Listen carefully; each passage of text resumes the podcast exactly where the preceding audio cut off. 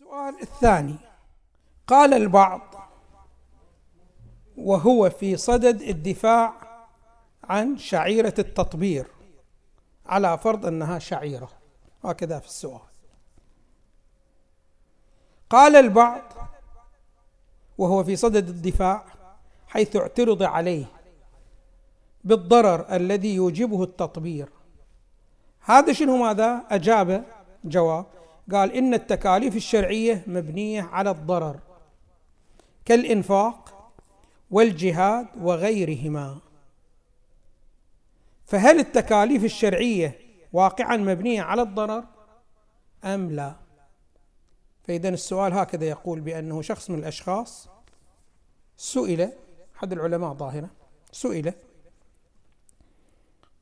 بأنه مثلا التطبير هل هو جائز أم لا؟ وإذا كان جائز فكيف يجيز الله سبحانه وتعالى؟ شعيرة من الشعائر وهي فيها ضرر للإنسان. هذا هو شنو؟ هذا السؤال.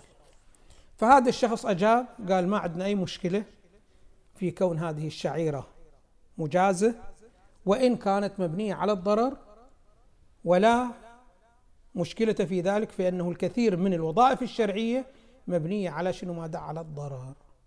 فهل هذا صحيح أم لا؟ في مقام الجواب نقول بأنه الوظائف الشرعية ما مبنية على شنو؟ هذا على الضرر. وإنما الله سبحانه وتعالى يريد أن يفيض الكثير من الكمالات على الإنسان. ولكن هذه الكمالات ما يمكن أن يستفيضها الإنسان ويتقبلها إلا إذا التزم بطرق معينة. الله سبحانه وتعالى كلفه بهذه الطرق المعينة حتى ماذا؟ حتى يستفيد من الكمالات. فإذا التشريع الإسلامي من الأساس مبني على ماذا؟ على هذا الأمر. على شنو ماذا؟ على نيل الإنسان إلى شنو ماذا؟ إلى كمالاته. الله سبحانه وتعالى كلفك بهكذا تكاليف لأنه يريد أن يفيض عليك حيث مجموعة من الكمالات وما تستطيع أنت أن تستقبل كذا كمالات إلا بماذا؟ إلا بهكذا أعمال معينة بهذه الصورة بهذه الطريقة وبهذا النحو فالآن الله سبحانه وتعالى عندما أوجب عليك الصلاة لماذا أوجبها؟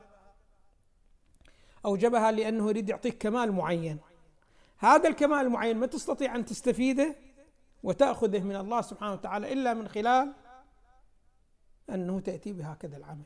مثل الآن شوفوا الآن. الآن مثلا الله سبحانه وتعالى يريد يفيض عليك. شنو ماذا العلم. العلم يريد يفيض عليك. ولكن قال لك أنا أفيض عليك العلم ولكن بشرط أنه تتخذ طريق إلى شنو؟ ماذا إلى كسب العلم. تشوف لك معلم أستاذ تشوف لك كتاب شنو؟ ماذا تتعلم أنا أفيض عليك العلم. أما إذا فرضنا لا ما أردت تبحث عن أستاذ وما أردت شنو ماذا تمتلك الكتاب وإلى آخره بهذه الصورة، الله سبحانه وتعالى ما راح يفيض عليك شنو ماذا العلم. فالعلم له مقدمة وهي شنو ماذا السعي لتحصيل العلم من تهيئة معلم وأستاذ وكتاب وإلى آخره بهذه الصورة، الله سبحانه وتعالى عند ذلك يفيض عليك الكمال. اذا كل التكاليف الشرعية مو مبنية على شنو ماذا على أصل الضرر. وإنما مبنية على أصل شنو؟ هذا على أصل الكمال الإنسان. الله سبحانه وتعالى شنو خلق؟ حتى يضررك يضرك؟ لا ما يضرك. وإنما يريدك شنو؟ ماذا تتكامل. ولكن هذه التكامل يحتاج إلى شنو؟ ماذا؟ إلى بعض التكاليف الشرعية. فالتكاليف الشرعية هي توفر الأرضية المناسبة للإنسان حتى شنو؟ ماذا؟ حتى يكمله الله سبحانه وتعالى بهذه الطريقة وبهذا النحو. بعض التكاليف قد يكون فيها ضرر. ولكن هذا مو ضرر أساسي وإنما يقولون ضرر شنو؟ هذا بالتبع. مثلا شوفوا الآن الآن اذا فرضنا عندك شنو؟ هذا طفل من الأطفال والعياذ بالله اصابته شنو؟ هذا غرغرينة. هو الغرغرينة يقول لابد أن يكون شنو؟ هذا قطع بهي الصورة بهي الطريقة بهي فالدكتور يقول لك أنا خيرك بين حياته هذا الطفل وهذا يستوجب أن نقطع رجله مثلا أو شنو ماذا؟ ما نقطع رجله ولكن شنو ماذا؟ راح الغرغرينة تسري إلى كل بدنه فشنو ماذا؟ فيتوفى. فأنت تريد ماذا؟ يقول لك قطعا اريد شنو ماذا؟ حياته. واضح. ولكن هاي الحياة تحتاج إلى شنو ماذا؟ مقدار من الضرر وهو شنو ماذا؟ قطع الرجل. هنا ما نلتفت إحنا إلى قطع الرجل بأنه هل هو ضرر أم لا لأنه هذا مو مراد على نحو الاستقلال. إحنا المراد عندنا شنو؟ المراد لنا هو حياته بقاء الحياة. ولكن بقاء الحياة متوقف على هذا فاحنا نريد هذا فهنا الإرادة شنو؟ ماذا؟ إرادة بالعرض بهي الصورة بهي الطريقة فالآن الجهاد الله سبحانه وتعالى عندما يوجبه على الإنسان المؤمن لماذا يوجبه الجهاد؟ صحيح الجهاد في ضرر في قتل وفي أشلاء وفي جرح وإلى آخره بهي الصورة بهي الطريقة ولكن لأنه الله سبحانه وتعالى يريد كلمة الله هي التي تكون العليا في الأرض وفيها تمام المصلحة وفيها تمام الكمال وهذا متوقف على شنو على الجهاد الجهاد يقولون دائما إحنا ما عندنا جهاد ابتدائي هذا في الأبحاث العلمية يطرحونه ولكن في الواقع الجهاد الذي هو موجود في الواقع كله جهاد دفاعي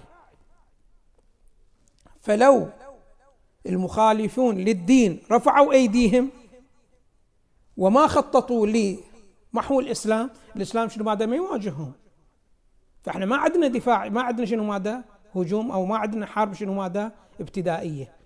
حروب الإسلام كلها حروب شنو ماذا؟ دفاعية. يريد شنو ماذا يدفع؟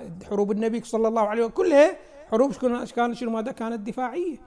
يعني كانوا اليهود بجنب المدينة ما ارتاحت الدولة الإسلامية من مؤامراتهم مع أنهم كانوا شنو ماذا أقلية وإلى آخره الشكل بهي الصورة فاضطر النبي صلى الله عليه وآله شنو ماذا أن يبعدهم من باب الدفاع فإحنا ما عندنا فما عندنا شنو ماذا الضرر الذي هو موجود إلا دائما شنو ماذا ضرر هو شنو ماذا ضرر؟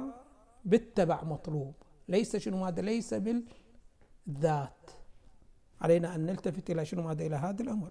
مرة واحد الإمام الصادق سلام الله عليه قال إلى الإمام الصادق كان يقول له قال له اعمل لآخرتك.